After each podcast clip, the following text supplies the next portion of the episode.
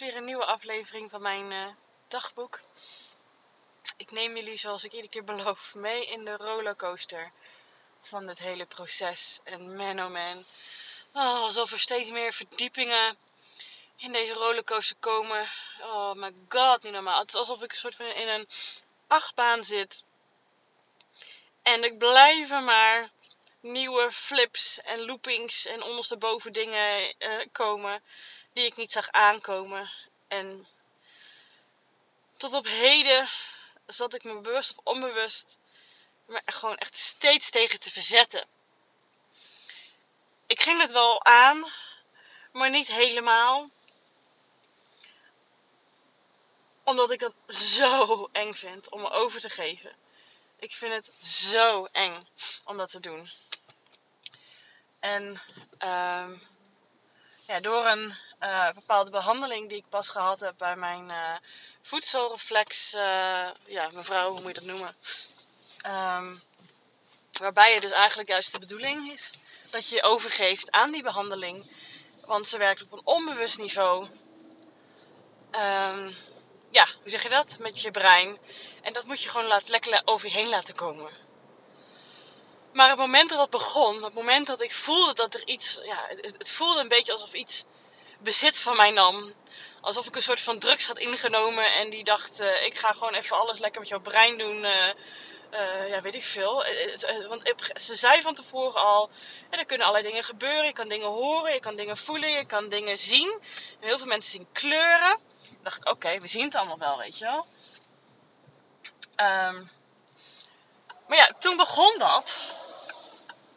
Toen begon ik dus ja, een soort van verlammend gevoel over mijn hele armen te krijgen, mijn schouders. En ik begon kleuren te zien. Ik schrok me rot. Ik schrok me rot. Ik was er bang voor. Ik was bang wat er ging gebeuren. Ik was bang voor. Ja, wat er ging gebeuren. Wat het bezit van mij nam. De controle loslaten waar ik eerder dacht. Dat kan ik nou ondertussen toch wel, of niet? Is dat toch nog niet helemaal zo? En waar ik na die behandeling, ja, die duurde na nog een half uur. Maar ja, ik stopte het proces. Er gebeurde nog wel van alles hoor. Ik, ik voelde nog allerlei nou ja, beklemmendheid op mijn borst. Ik voelde hoofdpijn opkomen. Ik kreeg allemaal heel veel rillingen over mijn lijf. Maar die mooie kant die iedereen meestal heeft bij zo'n behandeling. Van die kleuren zien. Van misschien boodschappen doorkrijgen. Van weet ik het wat. Misschien diepere heling. Uh, ja, die heb ik dus niet gekregen omdat ik mezelf niet durfde over te geven. En toen ik die behandeling had gehad, en het, ja, dat vertelde ik dus ook aan haar, toen zei zij ook nog eens: Ach, wat zonde. Ah, ik was al teleurgesteld in mezelf. Maar door zo'n opmerking werd ik ook nog eens extra boos op mezelf.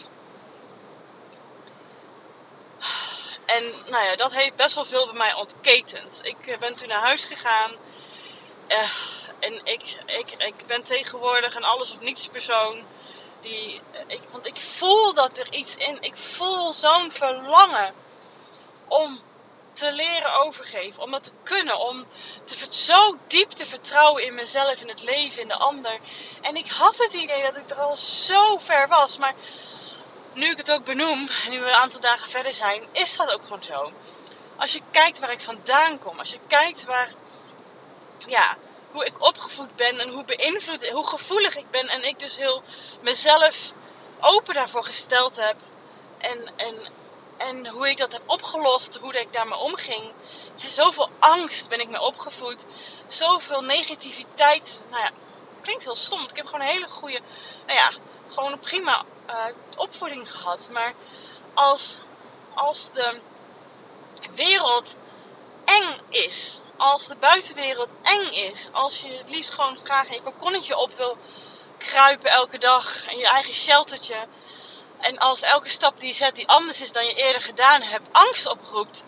En als wantrouwen hetgene is wat vaak ja, naar andere mensen de, de leidraad is. En als het constant is, oh, pas op, oh, kijk uit, oh, let, denk hierop, let daarop. Ja, als klein gevoelig meisje wat ik was en ben, ga je dat overnemen. En natuurlijk heb ik dat zelf gedaan. Maar dat is natuurlijk met een paplepel ingegoten. En omdat ik zo uber gevoelig ben en zo graag zo'n diep verlangen heb en altijd al gehad heb om met mensen verbindenis aan te gaan en connecties te hebben. Want dat vind ik het mooiste wat er is op deze hele aardkloot. Die liefde kunnen voelen tussen mensen. Ik was daar zo altijd naar aan het hunkeren, die onvoorwaardelijke liefde. En die wil je natuurlijk gewoon van je ouders. Dan was dit de manier om dat te krijgen. Want zo kreeg ik toch een enige vorm van: jij hoort bij ons, we houden van je.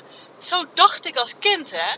Als ik het tegen mijn ouders zeg, denken zij ook echt van: hè, dat bedoelden we helemaal niet. Dat willen we helemaal niet voor je.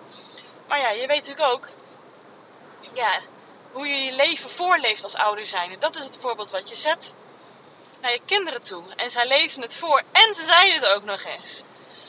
Het heeft me, ik heb me zo, zo, zo lang klein gehouden. Zo lang. En ja, ik ben de afgelopen jaren hier al zo mooi mee bezig. Dat zie ik ook. Het is en en. Ik zie dat ook. Echt 100% hoor. Maar dat ik dus die dinsdagavond, dan, dan wakkert het iets in mij aan. Een, een, ja, ik noem het even mijn leeuw. Een soort kracht in mij die, die echt allemaal wil gaan vloeken en gaan stampen en gaan tieren en gaan gooien met dingen. En wil schoppen en slaan en schelden. En die, die kant die, ja, dat is eigenlijk die kleine Judith. Die, nou dat weet ik niet zo goed, maar het, het is eh, de puber denk ik eerder in mij. Die zegt, oh verdomme, we zijn er klaar mee. Dit wil ik helemaal niet. Dit is niet wie ik van nature ben. Maar ik hou mezelf zoveel klein, omdat is wat ik ken. Dat is het bekende, dat is het veilige. En ik heb het zo lang gedaan. Zo lang heb ik zo geleefd. Ik heb vanochtend hier nog een gesprek met mijn man over gehad. Dan zat ik alweer te janken. Dus op de rand van janken. Toen zei hij, ik kan me ook herinneren. Um, het is ook vooral gerelateerd nu aan mijn werk, dat ik daar gewoon echt doorheen wil breken. Dus ik kan me ook herinneren toen jij hiermee begon, hè, dat ondernemerschap zo eng was en dat je heel graag alles bij het veilige wilde houden. En iedere keer als hij dan kwam met een idee of een stap of een prijsverhoging, oh mijn god, dan ging ik in de ankers. Dan ging ik echt van stag, ja, hoe zeg dat? Blokkeren. Dat, nee, nee. Wat zal de buitenwereld daar allemaal niet van vinden? En eigenlijk zeg ik dan meer, als ik iets meer van mezelf laat zien, van mijn kwetsbaarheid, van wie Judith is, meer durf, ruimte te durven in te nemen, mezelf te, ja, niet meer zo klein houden, maar ja, gewoon zijn wie ik ben. Ja, wat gaan andere mensen daarvan vinden? Wat gaat daar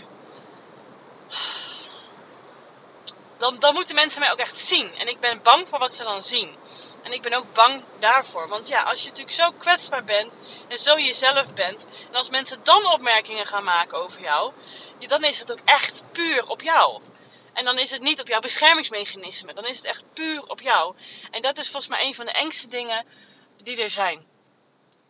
En daarom hebben heel veel mensen natuurlijk al die maskers en beschermlagen en muurtjes op. Omdat ze zo gekwetst zijn uh, eerder in ieder geval het gevoel hebben gehad om gekwetst te zijn. Ze niet het gevoel hebben gehad dat ze zichzelf mogen zijn. En dan ga je het maar doen zoals je voorgeleefd wordt. En ik begrijp het heel goed, want het heeft me ook heel lang veilig gehouden. Maar ik ben er zo klaar mee. En aan die kant in mij die echt het stampen en tieren is, die is er ook zo klaar mee. Maar er zit ook gewoon nog zo'n heel angstig klein meisje in mij, die dit gewoon fucking eng vindt het moment dat ik ergens besloten heb als klein meisje. Jongens, weet je, het is te eng om mezelf, mijn gevoelige zelf te zijn. Het is gewoon zo eng. Want ik ben anders dan de mensen om mij heen. En dat voelt gewoon zo raar om dat te zijn. Dus ik pas me maar gewoon lekker aan. Want dat is veilig. Dat jonge meisje, dat hele schattige kleine blonde meisje. Ik zie er ook zo voor me met een foto. Die vindt het nog gewoon heel erg eng. En net zoals ik heel vaak heb ervaren de afgelopen maanden met het zwangerschaps stuk dat ik in limbo-land zit en niet weet of ik nu zwanger ben of ongesteld moet worden. Hè, dat, dat ik denk dat het een soort van um, bloeding is, of is het een voorloper voor ongesteldheid. Want ik heb vaak de laatste tijd nog steeds een bepaalde aanloop van, nou, laten we zeggen, vier dagen. Uh, ja, uh, eerder zelfs zeven dagen. Uh, totdat ik echt ongesteld moet worden. En dat je in zo'n limbo-land zit en gewoon totaal niet weet waar je aan toe bent. En, maar moet vertrouwen dat het goed komt. En daar heb ik altijd zoveel moeite mee. Daar komt echt puur oerverdriet naar boven. Daar heb ik eerder aflevering over gemaakt.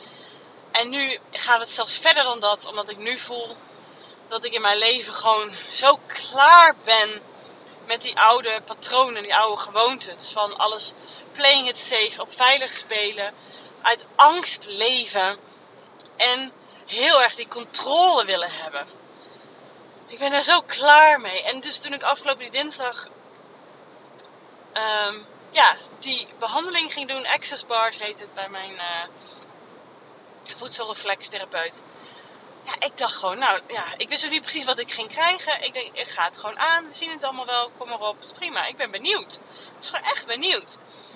Dit ging gebeuren, wist ik ook niet. En dat het ook weer zoveel zou ontketenen van boosheid en teleurgesteldheid en verdriet en angst. Dat had ik ook niet verwacht. Het, consumes me alle dagen daarna. Het kost ook heel veel energie. En ik ben natuurlijk uiteraard daarna ook weer lekker verkouden geworden. Ik was net weer een beetje aan het opkrabbelen. Maar dat hoort er allemaal bij. En ik ga het maar gewoon aan. Op basis daarvan heb ik ook beslissingen genomen voor mezelf qua dagindeling. Dat ik gewoon veel meer tijd ga ruimen voor ja, mijn eigen gevoelens, mijn eigen behoeftes, inspiratie volgen. En dat mijn week niet zo volgeboekt zit en geramd zit eigenlijk, wou ik zeggen. Met allerlei afspraken die ik echt heel tof vind. Maar ik ben gewoon nog heel erg... Ik wil mezelf ruimte geven om uit te vogelen wat ik nou precies wil. En dat is natuurlijk ook met dit thema. Maar nu is het iets meer op werk gericht, maar ook met dit thema. En op dit thema weet ik het nu al duidelijk wat ik wil. Maar op werkgebied is het allemaal nog echt limbo-land. En dat is ook net zo eng. Eigenlijk net zo eng als het wel of niet weten of ik nog wel zwanger kan worden. Of nog wel in ons verschiet zit. Of, of wanneer het gaat gebeuren. Gaat het weer mis of niet? Ja, ik vind het ook zelfs eng om weer zwanger te worden. Want ja, het is ook veilig hoe het nu is. Weet je wel, het niet zwanger zijn is ook gewoon heel veilig. Hè? Want dan ga je het in ieder geval niet aan. En alles wat ook bij gepaard kan gaan over ja, de begeleiding mogen hebben voor zo'n klein mensje op de wereld zetten. Ja, het veilig is gewoon het niet te doen, hè. En ik denk dat mijn lijf ook die angst gewoon voelt. En misschien ook gewoon nog tegen beschermt. Ik heb geen idee, ik zit er maar zelf wat van te maken. Op het gebied van, ja, het... Uh, hè, ik pak het nu wel iets breder, maar op het gebied van een zwanger stuk... heb ik echt heel duidelijk een mening dat ik denk... Ik wil alleen maar daar iets mee doen als het zo voelt. Dus niet om de dag rondom ovulatie uh, intiem zijn omdat dat moet. Nee, ik doe het omdat het goed voelt. Ik doe het omdat ik die connectie wil. Ik doe het omdat ik het fijn vind. Um, en niet omdat het soort moet of omdat dat gezegd wordt online dat dat slim is om te doen. Nee. Zo, die was heel hard. Sorry als je schrok. Dat is dus ook die leeuw in mij die daar al kant en klaar een antwoord op heeft. En daar is het voor mij al helder in. En daar sta ik ook volledig achter. En als het zo niet gebeurt, dan niet.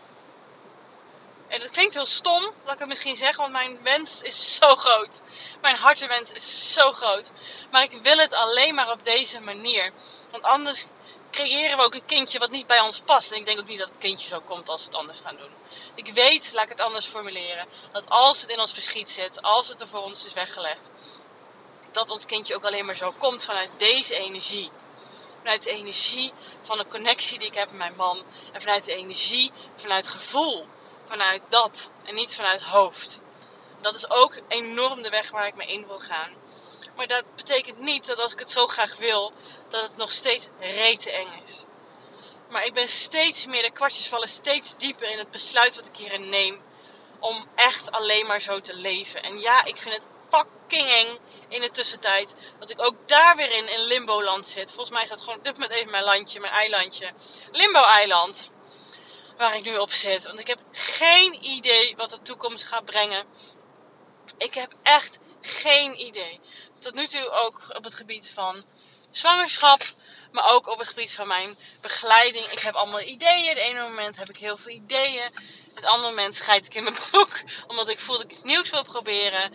En dan denk ik, nee, ik wil geen uh, praktische studiekeuze en loopbaanbegeleiding doen. Ook al noem ik het allemaal plusbegeleiding en uh, combineer ik het met heel veel energetische en systemische coaching.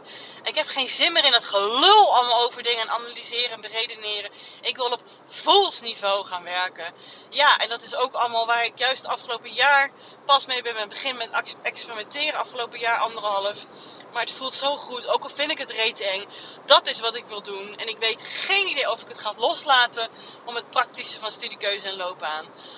Misschien ga ik het alleen maar op coaching richten. Of mensen die willen leren op deze manier te leven. Of keuzes te maken. Of eindelijk te stoppen met alles vanuit playing it safe doen. Ik heb geen idee nog.